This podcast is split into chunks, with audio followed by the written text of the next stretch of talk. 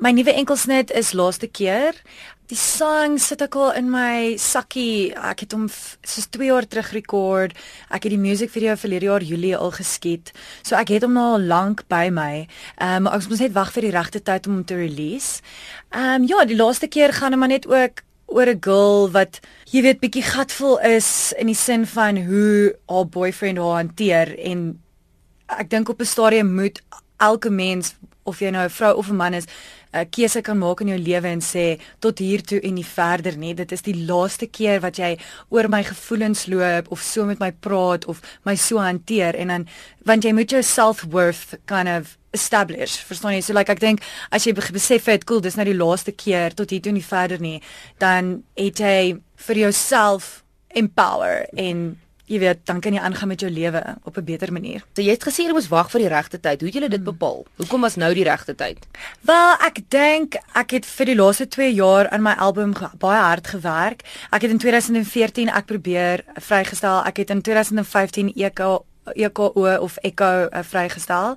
En toe 2016 wou ek laaste keer vrystel, maar toe ek besluit, miskien moet ek wag tot my album klaar is dat ek um sign by record label en dan kan ek en dan kan ek dit release. Want anders te create ek hype wil ek amper sê en dan kan ek nie iets daarvan af bewerkstellig nie want daar's niks om te bewerkstellig nie. So ek dink nou dat die album klaar is, dat ek gesign het by David Gresham, is dit nou die regte tyd om, jy weet, alles net uit te sit en kyk wat dink die mense. Dis 'n lang projek. Dit dit kom al dit kom al 'n rukkie. Ja, definitief. 2016 het vir my ongelooflike geduld geleer. Iets wat ek nie baie van het nie, want as ek iets 'n idee het, wil ek hê dit moet nou gebeur. Ek wil ek kan dit bewerkstellig, ek so vinnig as moontlik. So ek moes regtig geduld gehad het um, in 2016, maar nou in die begin van 2017 is dit nogal baie lekker want nou kan ek regtig net terugsit en dit die joyride geniet, mm. so to speak, ja. Die video, vertel my van die van die maak van die video. Die die akteurs wat saam met jou daarin speel, die man wat hier speel en dan die dametjie wat natuurlik aan die einde ook inkom. Vertel ons van die van daai proses. Ja, so Sebastian Skutte um, is eintlik 'n uh, doctor without borders. So uh, hy's eintlik 'n slimmerige man, maar hy hou nogal daarvan om so bietjie te speel in die bedryf. En ja, ons het hom verlede jaar in Stilbaai ontmoet. Ehm um, ek en my neef Reg. En ja, ons het net gedink hy sal perfect wees, hierdie bad guy met al sy tattoos en stuff vir die karakter in die musiekvideo. Dis ook die eerste keer dat ek dat ek actually ander mense in my musiekvideo's gehad het. Gewoonlik is dit net ek. Want dis net soveel goedkoper ja. sonder ander akteurs en locations mm. en goed. En ja, so toe het ons vir Sebastian Skutte gebruik ehm um, as hy as hy lead. Dit was baie lekker geweest. Ons het soos ek het in my huis ingetrek en ons het soos die dag na dit het ons begin of het ons die musiekvideo geskiet. En dan ja, Marike Besuidenhout wat ook 'n binnelanders aktrise is, sy was toe nou die die stoute meisie, wil ek amper sê dit was interessant geweest want sy is altyd die goody two shoes in in die rolle wat sy speel as aktrise.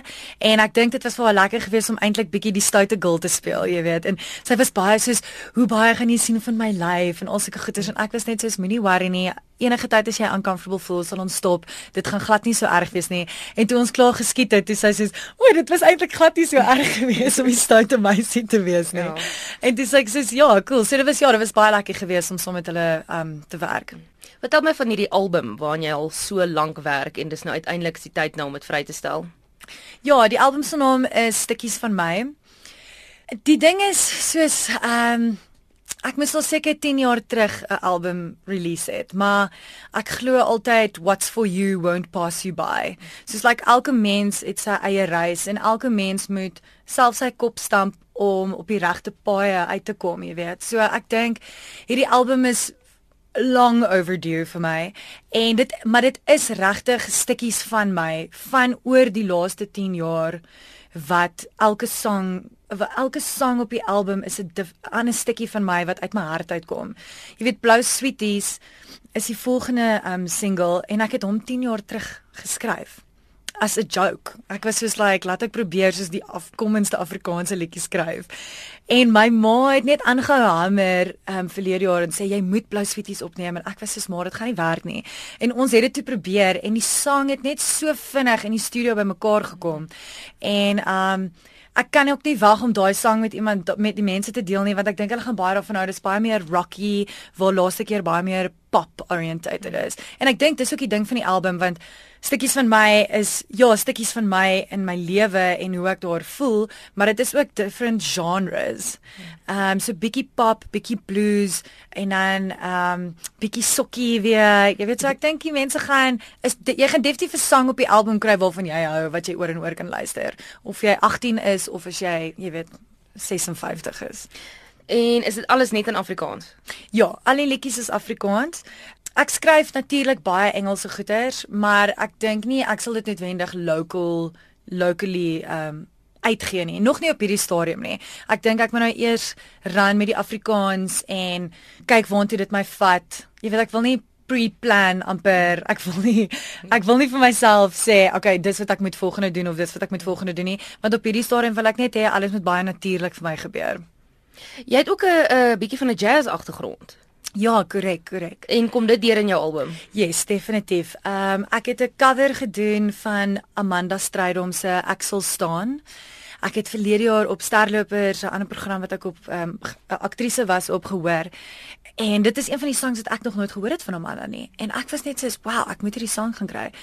En toe het ons dit gekry en ons het ek het besluit om dit op my album te sit en dit was so cool want ons het hom regtig bietjie gerock blues like sterk sterk gedoen. So dit was baie lekker geweest en ek het ook 'n cover gedoen saam met Gerald Clark want ek ek en hy het saam begin speel by Park Acoustics en ek het vir verlede jaar saam met op die koppie saam met hom gewees. En ja so dis baie dis baie teenstellend geweest vir my want ek was besig om met die pop album te maak en toe ek en Gerald begin saam gig en toe was ek completely in hierdie blues vibe en en soos een van my vriende sê Susie het gaan probeer 'n pop album maak en jy teruggekom met 'n rock blues album. En ja, dit is waar tot 'n sekere mate, maar daar is ook baie pop songs soos man vir my ek um lewe sonder jou. Daar is pop songs ook op, maar daar is ook bietjie van die ander kant wat deurkom, jy weet. Susie, jy's 'n aktrise, jy's op binnelanders, jy was op sterlopers gewees. Mm. Hoe balanseer jy dan die sangloopbaan saam met jou saam met jou werk as 'n aktrise? Want natuurlik moet 'n album wat vrygestel word, jy moet optree, jy moet hom vry gaan stel, jy moet bietjie toer in die land. Hoe hoe balanseer jy dit? Ag jong, ek weet nie. Ek dink in ons bedryf as jy 'n akteur en 'n sanger en 'n presenter um jy weet Heidi Edeling sê altyd you, you have to be able to spin a lot of plates in this industry. En dit is baie waar want jy weet soos nou in Januarie het ons nooit werk nie want daar is nie geld vir entertainment nie. En ek dink dit is baie maklik eintlik om te balanseer. Want partykeer jy werk net jou skedule rondom al hierdie goeders. Verstaan jy as jy weet jy skiet vir 'n maand by binneland, dan dan weet jy okay cool, jy gaan nie veel anders te doen nie want jy gaan al daai tekste moet leer en dit is nogal daunting as jy sien hoeveel hoeveel woorde jy moet leer. So dan weet jy okay cool, ek moet hierdie maand uitsit want dan gaan vas nogal wees met hierdie. Maar jy weet ook daarom op naweke kan ek gigs doen.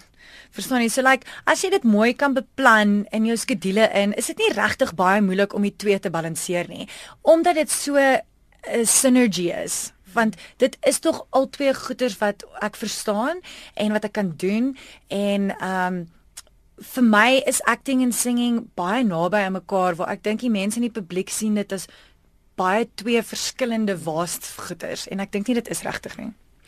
Jy sê jy moes 10 jaar terug al 'n album opgeneem het en vrygestel het. Wat het jou die besluit nou laat maak? Hoekom toe nou die besluit na 10 jaar? Okay, Susie is nou gereed. ek dink ehm um, nadat ek ek probeer vrygestel het en gesien hoe wat 'n cool reaksie mense teenoor dit gehad het, het ek net besluit ek moet soos my gat en rad kry en actually vir die mense iets gee en toe ek ek ou gedoen en toe ek weer 'n hele ander market half ehm um, ingekry. So daar is definitief mense wat hierdie kant van my ken en dan die ander mense wat daai kant van my ken.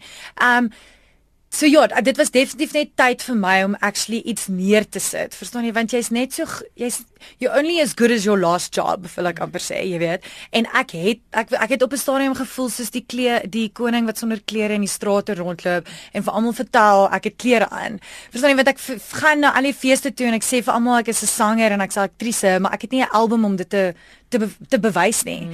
En so dis hoekom die tyd definitief nou reg is vir my om te sê ek weet ek lyk like asof ek nie klere aan het nie, maar hierso is my album, hierso is my klere. Ek ek het 'n plek in hierdie industrie en ek moet dit ek wil dit vir die mense gee om te luister en om te hoor wat dink hulle ook daarvan.